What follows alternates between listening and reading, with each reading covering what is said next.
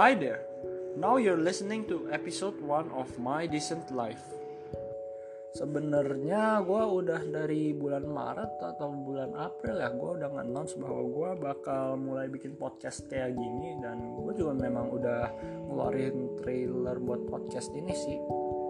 Jadi pertama-tama gue pengen minta maaf atas keterlambatan munculnya episode pertama ini karena gue punya kerjaan kuliah yang harus gue kerjain dan sampai sekarang aja emang sebenarnya belum belum selesai gue kerjain.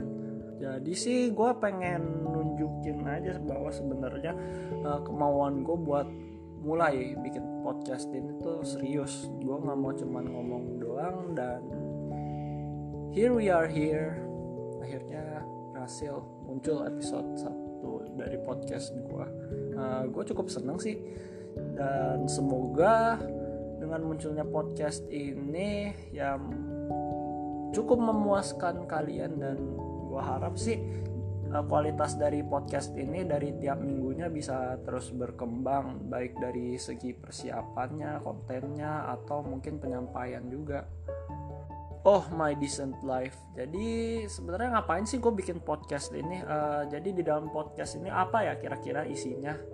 Um, pertama gue pengen supaya podcast ini sebenarnya biar bisa jadi sebuah media gitu biar gue bisa berdialog sama kalian. Gue juga pengen supaya podcast ini kiranya bisa supaya jadi wadah buat nampung ide-ide gue sepanjang hari gue gue juga pengen sedikit berbagi cerita hidup gue sih apa yang membedakan cerita hidup gue mungkin sama kalian gitu. Um, satu lagi sih gue juga pengen mulai ngelatih kemampuan komunikasi lisan gue ngomong di depan orang lain itu sih menurut gue sebuah tantangan unik tersendiri sih buat gue mungkin beberapa dari kalian juga pasti ada yang ngerasain perasaan yang sama kayak gue jadi tuh kayak kalau seandainya gue mau ngomong tuh kayak begini kadang ada yang bilang sama gue tuh entah gue ngomongnya kecepatan atau karena gue suka ngulang kata-kata jadi bertele-tele lah gitu ucapan gue gue nggak ngerti sih. Cuman sebenarnya dari hari ke hari gue terus nerima masukan dari orang gue juga berusaha menyembuhkan penyakit ini sih sebenarnya. Kalau dilihat dari sisi positif sih ini sebenarnya bisa juga. Jadi sebuah perubahan baik gitu supaya gue tuh bisa terus tumbuh gitu. Soalnya kan kita terus di dunia ini itu kan terus bertumbuh lah ya. Jadi solusi gue apa buat ngadepin masalah ini? Oke pertama gue nulis skrip buat podcast ini tapi kadang gue juga sebenarnya mikir kenapa gue nulis buat ini kan podcast. Lagi pula banyak juga orang yang emang bikin podcast setiap hari buat kehidupannya gitu kan mereka juga impromptu gak pakai persiapan. Mungkin biar kontennya lebih jujur gitu atau emang seharusnya podcast itu kayak gitu gue juga nggak tahu sebenarnya. Kedua gue ngerekam podcast ini dari segmen ke segmen. Ya gue tahu sih mungkin emang harusnya nggak begini kalau podcast dan gue juga gak yakin apakah hasil dari rekaman ini bakal baik atau bahkan kehitung gitu jadi podcast. Jadi gue ngedecide untuk jalanin aja. Gue tahu it's going to be painful it's not going to be pretty but ya gue take it slow aja. Dan gue berusaha sih dengan seluruh kemampuan gue supaya nggak ngomong patah-patah juga. Oh iya karena podcast ini episode selanjutnya bakal gue buat kurang lebih 10 menit atau lebih. Jadi ngomong sendiri selama 10 menit tanpa hilang fokus mau ngomong apa sih suatu tantangan juga buat gue oke ini cerita hidup gue nama gue Aldo Salim umur gue 19 tahun. Gue lahir di Jakarta tanggal 26 Juni tahun 2000 gue di rumah biasanya tinggal berlima. Sama mama gue sama tante gue satu orang sama kakak gue satu orang dan adik gue satu orang. Kalau bokap gue karena dia sering kerja di luar kota makanya dia gak jarang sih nggak ada di sini. Gue habisin masa SMA di SMA Notre Dame. Ya gue ketemu beberapa temen sih di sana. Dulu kita bisa senang-senang jalan bareng cuman karena sekarang kita udah kuliah dan tempat kuliah kita masing-masing jauh makanya kita sekarang jadi jarang ketemu. Coba aja gue masih bisa ketemu sama mereka. Untuk masalah pertemanan di SMA sih menurut gue sebenarnya bukan suatu hal yang mudah dilakukan buat gue gue bersyukur mereka masih mau ada di sisi gue gue nggak tahu kenapa tapi gue sih ngerasa kalau gue punya cara berpikir yang berbeda dari orang lain. Gue nggak jarang kok dapat kata-kata freak dapat kata-kata nggak jelas dari orang lain. Tapi setiap kali ada orang yang ngatain gue freak gue percaya bahwa dengan dia ngatain gue freak itu berarti dia itu nggak mampu sebenarnya buat ngehandle gue mungkin karena dia terlalu lemah well itu yang berusaha gue tanamkan dalam diri gue gue nggak suka disebut begitu tapi gue inget aja gue di masa lalu juga pasti pernah salah sama orang. Jadi gue mentelan mentah-mentah aja dan anggap aja itu tebusan buat dosa gue kalau gue sih ada beberapa hal yang suka gue lakukan gitu atau suka gue pikirkan dan mungkin gue diskusiin gitu sama orang lain. Kalau menurut gue sih gue tumbuh dengan rasa ingin tahu yang cukup tinggi. Jadi sebenarnya belajar sesuatu yang baru buat gue itu kadang cukup menyenangkan buat gue kalau soal pengetahuan menurut gue sih kayaknya ada tiga jenis.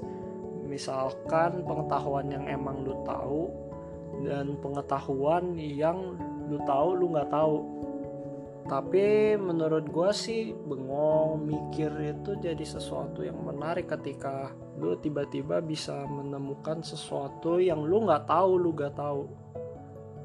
Mungkin gue dikenal sama beberapa rekan gue sebagai orang yang banyak nanya lah kepo lah. Tapi apa yang berusaha gue tekankan ini tuh sebenarnya ketika lu bertanya itu tuh lu membuka pikiran lu gitu loh ini quotesnya Robert Kiyosaki loh tapi sebenarnya apa yang ada di dalam quotes ini tuh manfaatnya gue rasakan gitu sampai sekarang. Oh iya selain itu paling ngomongin soal hubungan gak cuma gue kan? Ya mungkin kayak obrolan misalkan weh ini pacaran lo sama si ini weh. Gitu kan juga pasti ada kan di lingkungan kalian tapi kenapa ya beberapa orang bisa sampai tertarik ngomongin soal begituan? Apa sebenarnya karena mereka berharap kalau itu terjadi juga sama mereka? Ya mau apa pun hubungannya mau itu hubungan asmara atau hubungan selek-selekan atau nggak usah soal hubungan deh. Pokoknya ketika lu ngomong sesuatu sama orang itu semuanya itu punya satu kesamaan apa pun yang lu omongin sama orang lain pasti ada orang yang gak setuju sama omongan lu dan ada juga orang yang pasti gak suka sama lu. Gue sering dapat nasihat kalau seandainya kita tinggal di dunia ini tuh kita nggak mungkin bisa yang namanya memuaskan semua orang. Ya karena selama beberapa waktu yang cukup lama gue menyimpulkan bahwa kalau seandainya begitu ya misalkan gak penting gitu gue mau ngomong mending gue diem aja. Jujur kadang gue diem gitu ketika orang lain ngomong supaya mereka nggak mengubah perspektif mereka terhadap gue yang ada sekarang. Ya mungkin ini sebenarnya bukan sesuatu yang untuk diumbar sih tapi what more do I have to lose? Ya tapi boleh lah ya gue cuma pengen mimpi gitu gue suatu hari bangun dan bisa ngejalanin hari sesuai dengan keinginan gue gitu. Mungkin kalau soal what a perfect day would look like for me. Bangun pagi itu bagus loh guys. Dengan kalian bangun pagi kalian bisa mengerjakan apa yang pengen kalian kerjakan tuh lebih dulu. Toh kadang kalau seandainya bangun pagi itu kan sebutannya kan juga wake up early lebih dulu kan. Ya tapi kalau menurut gue sih tujuan gue buat bangun pagi itu supaya gue bisa memulai segala sesuatu duluan dan mengakhiri segala sesuatu tuh duluan juga. Dalam melakukan segala sesuatu tuh gue berusaha menerapkan sebuah prinsip yang gue buat sendiri yang gue kasih nama headphones philosophy. Headphones philosophy itu jadi kayak misalnya lo lagi in the middle of nowhere dengan segala kebisingan yang ada dalam dunia tapi kalau seandainya lu udah make headphone lu ya you can just dance to your own beat kan? Dalam hidup juga sebenarnya lebih baik untuk enggak terus hidup dalam pelarian. Dalam hidup tuh selalu lebih baik kalau seandainya lu punya tempat untuk tinggal tahu misalkan bareng keluarga lu atau sama teman-teman lu. Yang namanya house itu bisa pindah-pindah tapi home it stays. Uh, sebenarnya gue punya permohonan beberapa hal yang gue harap bisa gue lakukan dalam hidup. Untuk diri gue sendiri sih gue sebenarnya berharap gue bisa terus berubah dan terus belajar setiap harinya supaya jadi orang yang lebih baik untuk orang lain gue harap sih gue bisa share love ya. Ya gue sebenarnya bukan orang yang bener-bener ekspresif sih cuman love itu tuh sebenarnya menurut gue bentuk karya Tuhan yang paling murni buat kita semua. Dan untuk kita semua gue harap kita bisa ngejar greatness kita masing-masing. Gue tahu greatness kita masing-masing emang beda dan cuman masing-masing doang yang tahu. Tapi dari greatness inilah muncul tujuan kita dalam hidup. Uh, mungkin dari apa yang gue bilang di sini ada yang kalian belum nangkep atau mungkin emang gak jelas. Tapi ya ini gue ini cerita gue dan untuk kalian hidupin hidup kalian jangan hidupin kehidupan orang lain. Thank you